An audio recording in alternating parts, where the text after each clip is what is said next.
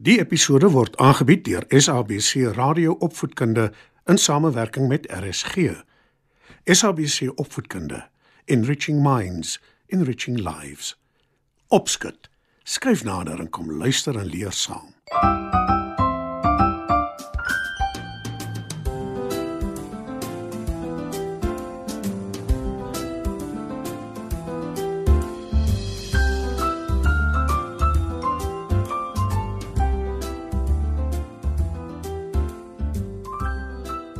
Goeienaand, maats. Is weer tyd vir opskud. In vanaand se storie vertel ek julle van 'n jaloerse suster en hoe sy haar les leer. Skyf gerus nader en luister saam.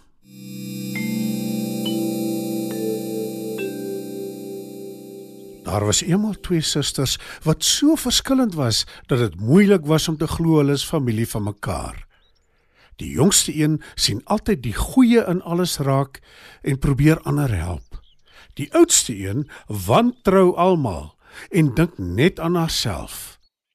Hulle bly saam met hulle pa in 'n klein huisie net buite 'n klein dorpie en toe hy hulle op 'n dag vertel dat hy sy werk verloor het, sê die jongste suster dadelik: Ek sal gaan werk soek, pappa.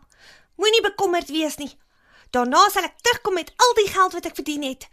En dan kan jy miskien ook gaan werk, sis. Sy bind haar klere in 'n bondel, groet haar pa en haar suster en gaan heel eers na die dorpie toe om werk te soek.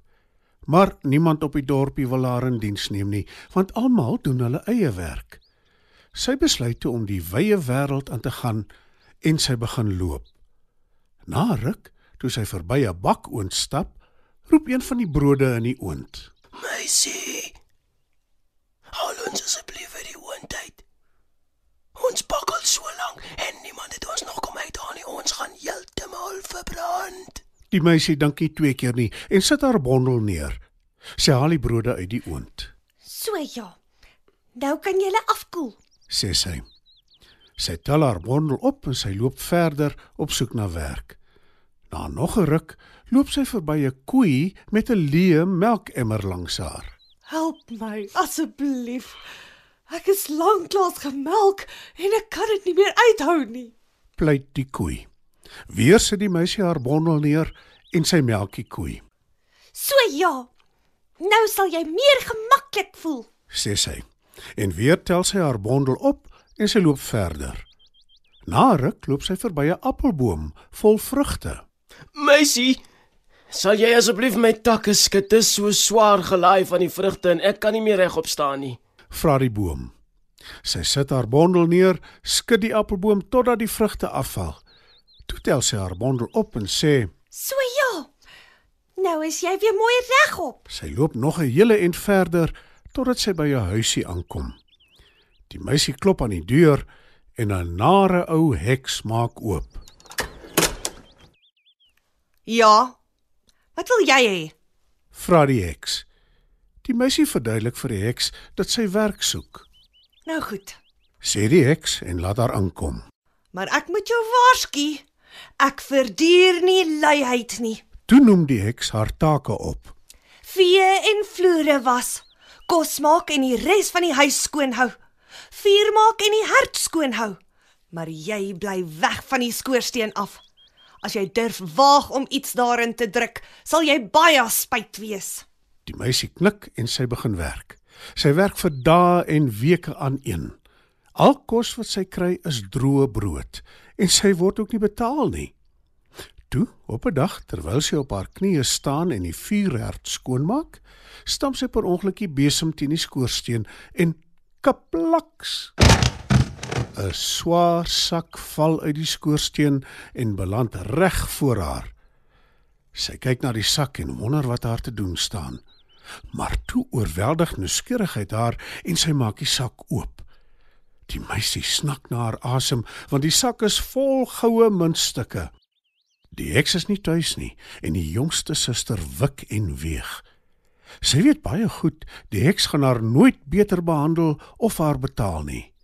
Sy vat die sak, bind haar klere in 'n bondel en begin huis toe loop op 'n drafstap. Sy is baie benoud dat die heks sal agterkom wat aangaan en sy loer telkens oor haar skouer. En dit is toe ook wat gebeur. Sy's amper by die appelboom wat sy gehelp het toe sy die heks hoor aankom op haar besem. Jou nare skelmkind. Hoe durf jy my beroof? As ek jou kry, maak ek jou so waar gaar. Die meisie kyk benoud rond. Toe sê die appelboom Gou, kruip agter my takke weg. En dis presies wat die meisie doen. Toe die heks by die boom aankom en hom vra of hy die meisie gesien het, sê hy Sy het in die teenoorgestelde rigting geloop. Die heks draai om en vlieg weg. Die meisie bedank die appelboom en stap verder. Maar kort voor lank hoor sy die heks weer roep. En die keer laat die koei haar agter haar wegkruip en ook sy bedui vir die heks verkeerde rigting. En weer vlieg die heks weg.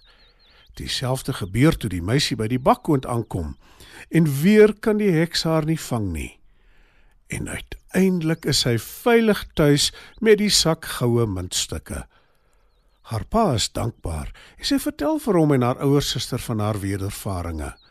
Maar in plaas daarvan dat haar suster dankbaar is dat sy veilig is, is sy jaloers, En nou gaan ek ook werk soek en geld maak. sê sy en vertrek. Sy kom ook die oond met brode, die appelboom en die koei tee. Maar anders as haar suster, weier sy om hulle te help. Na ruk kom sy by die heks se huis aan en sy klop aan die deur. Die heks maak die deur oop en toe die ouer suster vra vir werk, stem die heks in. Maar die heks verlaat nooit die huis nie en die ouer suster moet vee en skrob en vuur maak. Sy kry nie die geleentheid om 'n sak goud uit die skoorsteen te haal nie, want die heks hou haar gedurig dop. Maar toe, op 'n dag, toe die heks net vinnig na haar tuin toe gaan, neem die ouer suster haar kans waar. Sy steek die besem in die skoorsteen en so waar, daar val 'n sak goue muntstukke uit. Sy glip vinnig by die huis uit en begin huis toe draf. Maar die heks kom gou agter wat gebeur het en sit haar agterna. Ongelukkig vir haar wil die appelboom, die koei en die bakoond haar nie help en haar wegsteek nie, want sy wou hulle nie help nie. Die heks haal haar in, slaan haar met haar besemstok en vat die sak goue muntstukke by haar. En die ouer suster moet druipstert huis toe gaan sonder enige iets om te wys vir haar werk.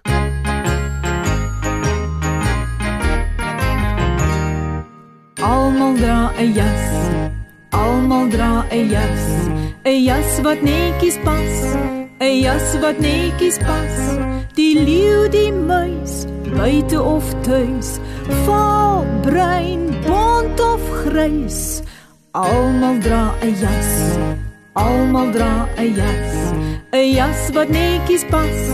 'n Jas wat netjies pas.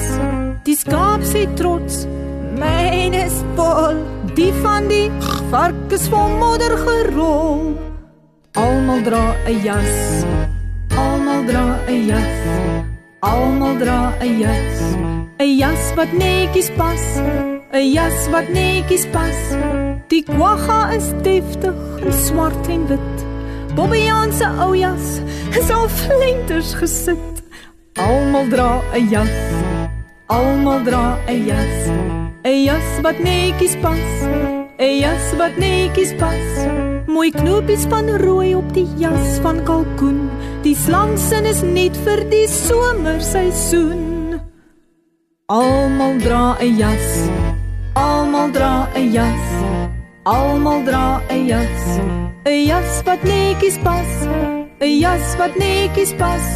Die eystervark is seker gek. Hy het sy jas met skerpinne bedek. Almal dra 'n jas. Almal dra 'n jas. 'n Jas wat netjies pas. 'n Jas wat netjies pas. Die eland, die buffel, die hond en die kat, die koei en die kalf en die lekker patat. Almal dra 'n jas. Almal dra 'n jas.